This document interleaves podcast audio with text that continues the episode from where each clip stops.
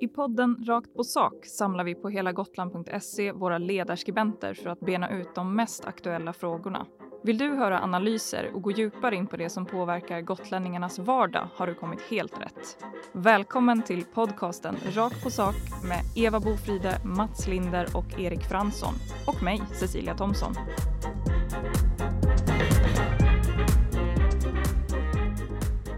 Det är påsk eh, och eh, Mats, jag bävar nästan lite inför att fråga dig det här Lex eh, julbordsfavoriten. Men vad är favoritmaten till påsk? Är det också någon form av sylta? Uh, nej, inte till påsk. Uh, sill och ägg. Sill och ägg, ja det mm. var mm. traditionellt. Uh, välkomna säger vi också till Eva Bofride och Erik Fransson. Hur kommer ni fira påsk?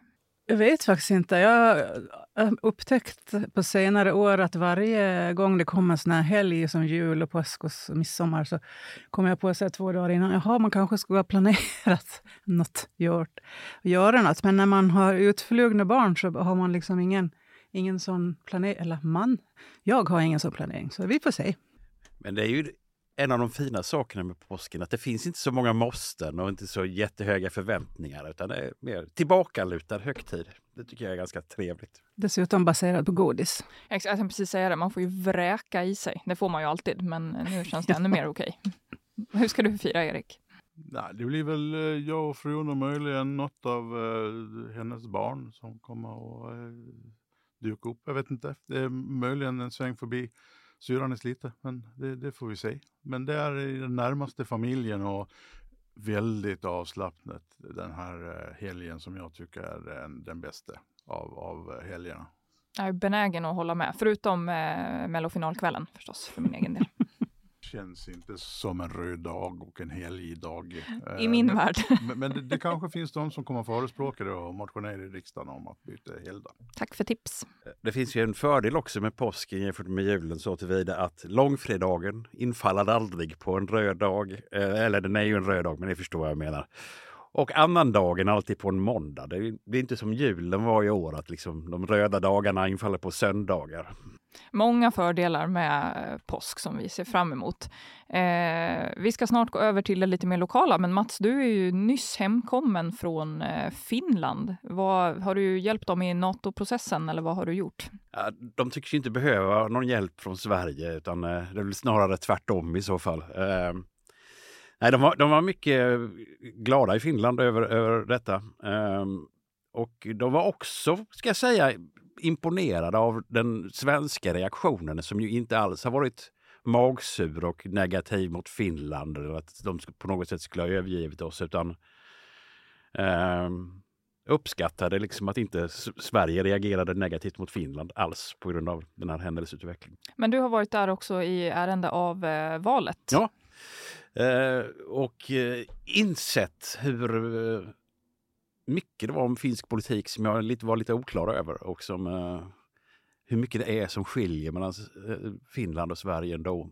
Även om det finns många partier som liknar varandra så är det politiska livet och nu till exempel regeringsbildningsprocessen uh, väldigt annorlunda. Spännande. Jag tror vi får, du får göra en sån extra podd, 90 minuter, Finlands statsskick. Jag kanske inte kan göra det på en höft, men Jag får nog förbereda mig lite grann åtminstone i så fall. Ja, mm. precis. Mm. Vi får planera vidare. Ja. Och det eh. kanske ändå överdimensionerar intresset i vår publik för ämnet. Jag vet inte. Ja, det vet man aldrig. Vi ska prata om Staffan Bergström, den numera välkända läkaren efter att han eh, sommaren 2020 hjälpt en ALS-sjuk man att dö och han är ju åter på tapeten. Och den här gången handlar det om hans läkarlegitimation som har blivit indraget och eh, han har överklagat det här och nu ska det upp eh, så småningom i förvaltningsrätten. Man eh, upplever ju, tycker jag, att det finns ett starkt stöd för Bergströms linje i det här generellt. Vilken eh, vad har ni för åsikt om det här? Har han gjort rätt eller fel när han eh, har bistått eh, folk att dö? Eh, jag tycker att han har gjort rätt. Eh, jag tycker inte att frågan är på något sätt okomplicerad, men, men eh, jag tycker den, eh, den hållning man har idag när man eh, förhindra den här typen av mer aktiv dödshjälp. Det, det baseras liksom på en, någon slags moralfilosofisk seminarieövning där man så att säga, har resonerat utan att behöva se de som drabbas av de här vidrigaste sjukdomarna där man den processen blir fylld både av eh, långt lidande och, eh, och eh, både psykiskt och fysiskt. Eh, därför tycker jag att vi borde liksom kunna upprätthålla en känsla för livets, livets helgd samtidigt som vi kan hjälpa de människor som hamnar i de här fruktansvärda situationerna. Håller du med Erik?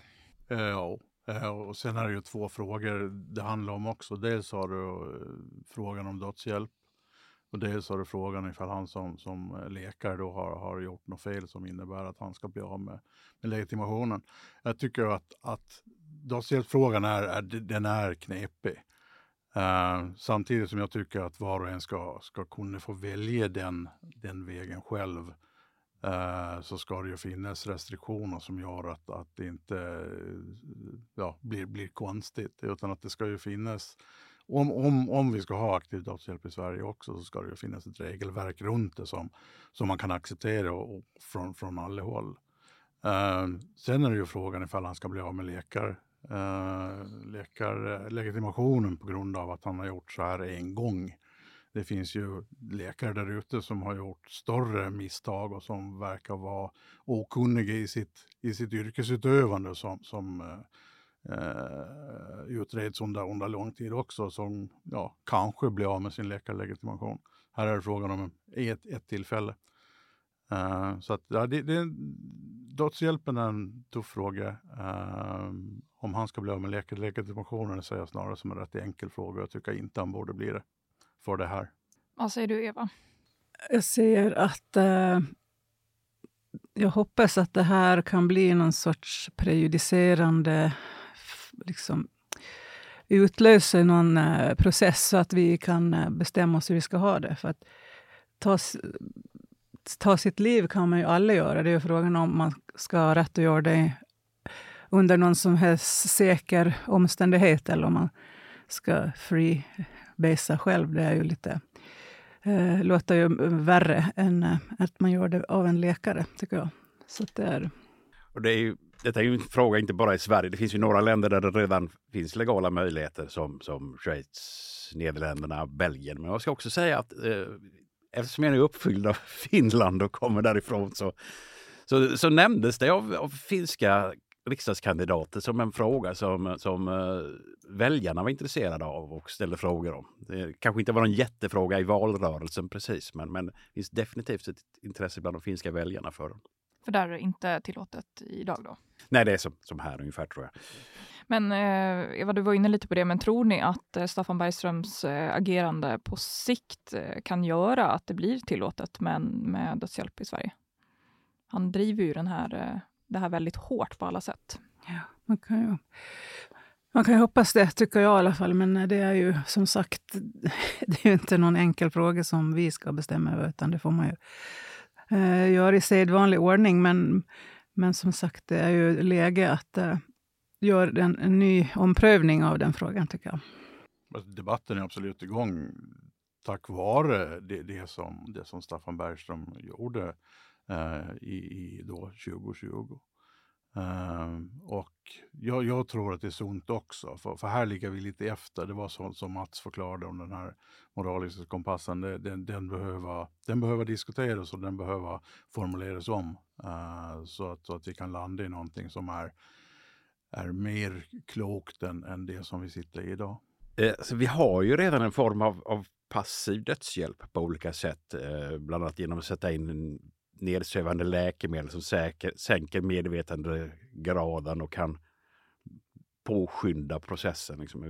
Vi har, man låter bli att sätta in läkemedel. Och man, ibland sätter man inte in dropp överhuvudtaget och då, då dör ju patienten till slut i, i, i uttorkning om inte annat. Och det här är ju ändå, det är ju också dödshjälp fast en mer passiv dödshjälp som inte inte förkortar lidandet på, på, eh, med samma precision, eller vad man ska säga. Eh, så ehm, jag vet inte om jag tycker det är mer moraliskt på något sätt än, än, än, än vad mer aktiv dödshjälp skulle vara. Poängen är väl att beslutet ska ligga hos den det berör, tycker jag. Att man ska själv ha rätt att bestämma. Och sen är det också en, en fråga att är man i, vid sina sinnens fulla bruk att ta sådana beslut när man är sjuk och ändå ska snart dö, liksom, det är ju eh, inte någon lätt fråga. Nej, det här var ju ett, ett ganska liksom tydligt eh, exempel just när det handlar om ALS, tänker jag, eftersom det är eh, det finns inget botemedel och eh, det går ju tyvärr bara åt eh, ett håll, så att säga. Men det, det finns säkert fall där det är lite helt, det mm. finns andra, andra förutsättningar helt enkelt. Vi eh, ska gå vidare till ett kanske ja, något muntrare, jag vet inte, men ett nytt ämne blir det i alla fall. Eh, Birkagården ska öppna eh, dagtid, det här som tidigare, eller är fortfarande natthärbärge. P4 Gotland rapporterar att en av orsakerna till att man har valt att ha öppet dagtid är att hemlösa har försökt få värme genom att vistas i entrén på Korpen. Eh, så det här känns väl som en, en glädjande nyhet, eller vad säger ni? Jag tycker det är ett klokt beslut att, att regionen lägger till de pengarna som behövs för att Birkagården ska kunna hålla öppet även dagtid. Um, det är ju viktigt. Sen, sen, tycker jag det är lite intressant att alltså problemet är ju i grunden att personer inte har någonstans att bo. Eh, det, det, är ju därför de, de håller till på, eller håller till, det är därför ett härbärge behövs. Eh, sen, sen när då härbärget stängs så, så måste de här personerna ta vägen någon annanstans. Och då, då tar de ju såklart vägen dit eh, där de, där de mår bra. Eller rättare sagt där de, där de liksom kan få värme och där det kan finnas toalett. Eh, och det innebär då att man blir tvungen att stänga toaletterna. Och sen har man då de här som sitter och väntar på färdtjänst, att de, de tycker att det är dumt att man har stängt toaletten och att de här personerna är här, för att det blir jobbigt för dem att kunna hålla sig de två, tre timmar som de sitter och väntar på färdtjänst. Och då funderar man på hur fan fungerar färdtjänsten? Så att det finns ju, det finns ju många, många nivåer och många vinklar på, på, på den här rapporteringen som, som är rätt intressant. Men det, det är bra att Birkagården får de medel som behövs för att de ska kunna hålla öppet. Det, det är såklart. Håller ni andra med? Ja, det är alldeles utmärkt att Birkagården eh, får den här möjligheten och att de kan hjälpa regionen med att tillhandahålla liksom basala värdighetsskapande möjligheter för den här gruppen. Jag ska ställa en oerhört enkel eh, fråga nu som ni kommer gilla mig väldigt mycket för. Hur är situationen generellt för hemlösa på Gotland egentligen? Någon som vill ta den rackaren? Det behöver man ju göra någon sorts fältstudie kanske för innan man kan svara på det när man sitter i sin uppvärmda lägenhet och har mat på bordet och eh, allt man behöver. Men eh, man kan ju tänka sig in i det ändå, kan man ju göra. Hur det är att, eller hur det skulle vara att inte ha någonstans att dra sig tillbaka som är ens eget skyddade ställe. Det är ju en eh, det som jag sagt här, det är ett grundläggande behov och det finns ju en anledning att det är det. Det är ju det man behöver först och främst. Så det, är, eh, det går nog inte att tänka sig in i hur förskräckligt det är. Och sen finns det ju, alltså det är ju en någon sorts spiral här vad som är problemet. De, många av de här har ju ett missbruk som gör att de inte kan ha en egen bostad. Och så får de och har man ingen egen bostad så finns ju ingen förutsättning att ta sig ur ett missbruk. Och det här blir ju en, en ond spiral som är väldigt, väldigt svår att bryta. Eh, alltså, jag vet egentligen inte hur det ser ut nu, men man hörde ju en del eh, farhågor från förra vintern, tror jag det var, då det var så ruskigt kallt ett, ett tag, att, att då får, får de verkligen illa. Eh, samtidigt som, som de var, var, inte hade tillgång till att eh, virka gården dagtid. Så att det, det, det är ju ett problem. Eh, och de som inte hinner in på Birkagården, de som inte får plats där, för dem blir det ännu värre. Men här har ju regionen börjat dra igång en del, en del nya eh, verksamheter, eller vad man ska kalla det för, nya projekt. Eh, med, eh, man ska bygga något form av, av eh, boende, eh, Låg, planen ja. i alla fall, ett lågtröskelboende som sagt var. Uh, där man kan komma in även fast man har, har uh, drogproblem. Uh, alltså aktiv, aktiva drogproblem så att säga. Um, och sen har man ju diskuterat eh, det här med bostad först också. Att, att du ska inte behöva vara nykter eller drogfri för att kunna få en bostad, utan du ska få bostaden först för att kunna bli nykter och drogfri. Eh, jag tycker det här är bra, bra initiativ från, från regionen. Det här är en fråga där, där det gäller att ta vara på alla erfarenheter och, som man gör i andra kommuner och även internationellt i hur man kan skapa boende för, för den här gruppen. Um, ja, senast jag såg var ett program från, från um, norra England, tror jag, eh, där man hade skapat speciella arkitektritade hemtrevliga, måste jag säga, eh, moduler. Um, som kunde ge uh, ett eget boende och en egen ytterdörr. Och det tror jag är väldigt viktigt. Vi ska eh, gå vidare till ännu ett eh, ganska stort ämne. Det känns som att vi eh, bara liksom... Nu när den kommer hur skapar vi fred i världen? Ja, precis. Eva. Mm. Jag tänkte att du skulle få hålla en liten föreläsning. Jag, har, jag är förberedd. Mm. Ja, men härligt. Nej, men däremot så eh, ska vi prata lite om vårt sjukhus och eh, det här fantastiska rubrikordet att en fastighetsutvecklingsplan har presenterats för Visby lasarett. Eh, och den här enorma framtida investeringen ger Hälso och sjukvårdsnämndens ordförande Filip Reinhag citat, lite ont i magen. Slutcitat. Förstår ni honom? Absolut. Ehm, det känns lite grann som att börja i galen ände. Att börja med fastigheten. Jag tror inte det är fastigheten som är liksom den största problemet i den av eh, vårdköer och personalrekryteringsproblem plågade vården. Det här ligger ju x antal år fram eh, i tiden eh, också. Ehm, men det som har presenterats eh, än så länge är ju en utbyggnad på nuvarande plats. Eh, men eh, redan nu har man ju sett att det här skulle ge svårigheter med bland annat eh, parkeringar och för ambulansverksamheten. Vad tror ni, är, är det här det bästa alternativet eller ska man hellre satsa på att bygga ett helt nytt lasarett någon annanstans? Nu har jag inte gått igenom den här fastighetsutvecklingsplanen tillräckligt mycket för att, för att veta egentligen vad den säger. Men Alltså tomten är ju begränsad. Eh, att, att, att, man nu skulle kunna, att man nu har lagt ett förslag på, på hur man skulle kunna bygga ut den genom att använda parkeringsytorna som, som eh, att bygga höghus på där det finns då parkeringshus i, i botten på dem. Eh, det känns som en, en, en bra början, men frågan är om det kommer att täcka alla framtida behov. Och då är ju frågan ifall det är smart att bygga ut det nu eller om det är bättre att man börjar planera för ett helt nytt någon helt annanstans. Uh, men, men som sagt, jag har inte läst planen fullt ut så jag, jag vågar inte säga vad som, är, vad som är det bästa just nu.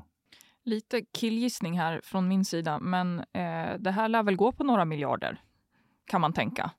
Eh, och eh, hur, eh, var ska de pengarna komma ifrån? Det är ju mig. Och alltså, Återigen? Alla, ja, än en gång. nej, det är ju det som är... Eh, nej, det är inte det som bara är frågan, utan det är många stora frågor. Men det som man har hört eh, från politiken är att det här är en investering som Gotland inte kan bära själv. Och det håller, hör ihop med det här med ölägesfrågan och, och eh, allt som vi måste ha, fast vi egentligen inte har underlag till det och sådär. Så det är ju, eh, och som sagt, det här är ju tidsperspektiv som är ganska långa, så att det är ju frågan när det, när det kan bli... Alltså när man vill ha ett färdigt resultat, det är ju långt fram i tiden. Man kan ju också dela upp verksamheten, att ha olika kliniker på olika ställen. Det är säkert någon som säger att det inte är något bra, men eh, det är mycket som behöver utredas för att få det bästa resultatet börja sätta press på regeringen redan nu för att försöka få loss lite stålar. Verkligen. Det brukar inte gagna beslutsförmågan när eh, det är oklart vem som ska betala. Gotland har fortfarande ingen reservhamn till exempel sen flera decennier tillbaka. Och man bråkar väl fortfarande om vem som ska stå för det egentligen. Så du menar att vi kommer få anledning att prata om det här igen eventuellt? Eh, jo, ja. Innan vi har ett färdigt sjukhus att besöka? Ja, men då finns det väl inte mycket mer eh, att göra än att önska dig som lyssnar en riktigt god och eh, vilosam påsk. Vi är ju tillbaka precis som vanligt nästa vecka och vill du eh, påverka vad vi pratar om eller kommentera något vi redan har sagt kanske så hör av er. Skriv till oss på sociala medier där vi heter helagotland.se eller mejla mig på Cecilia.Thomson gotlandsallehanda.se.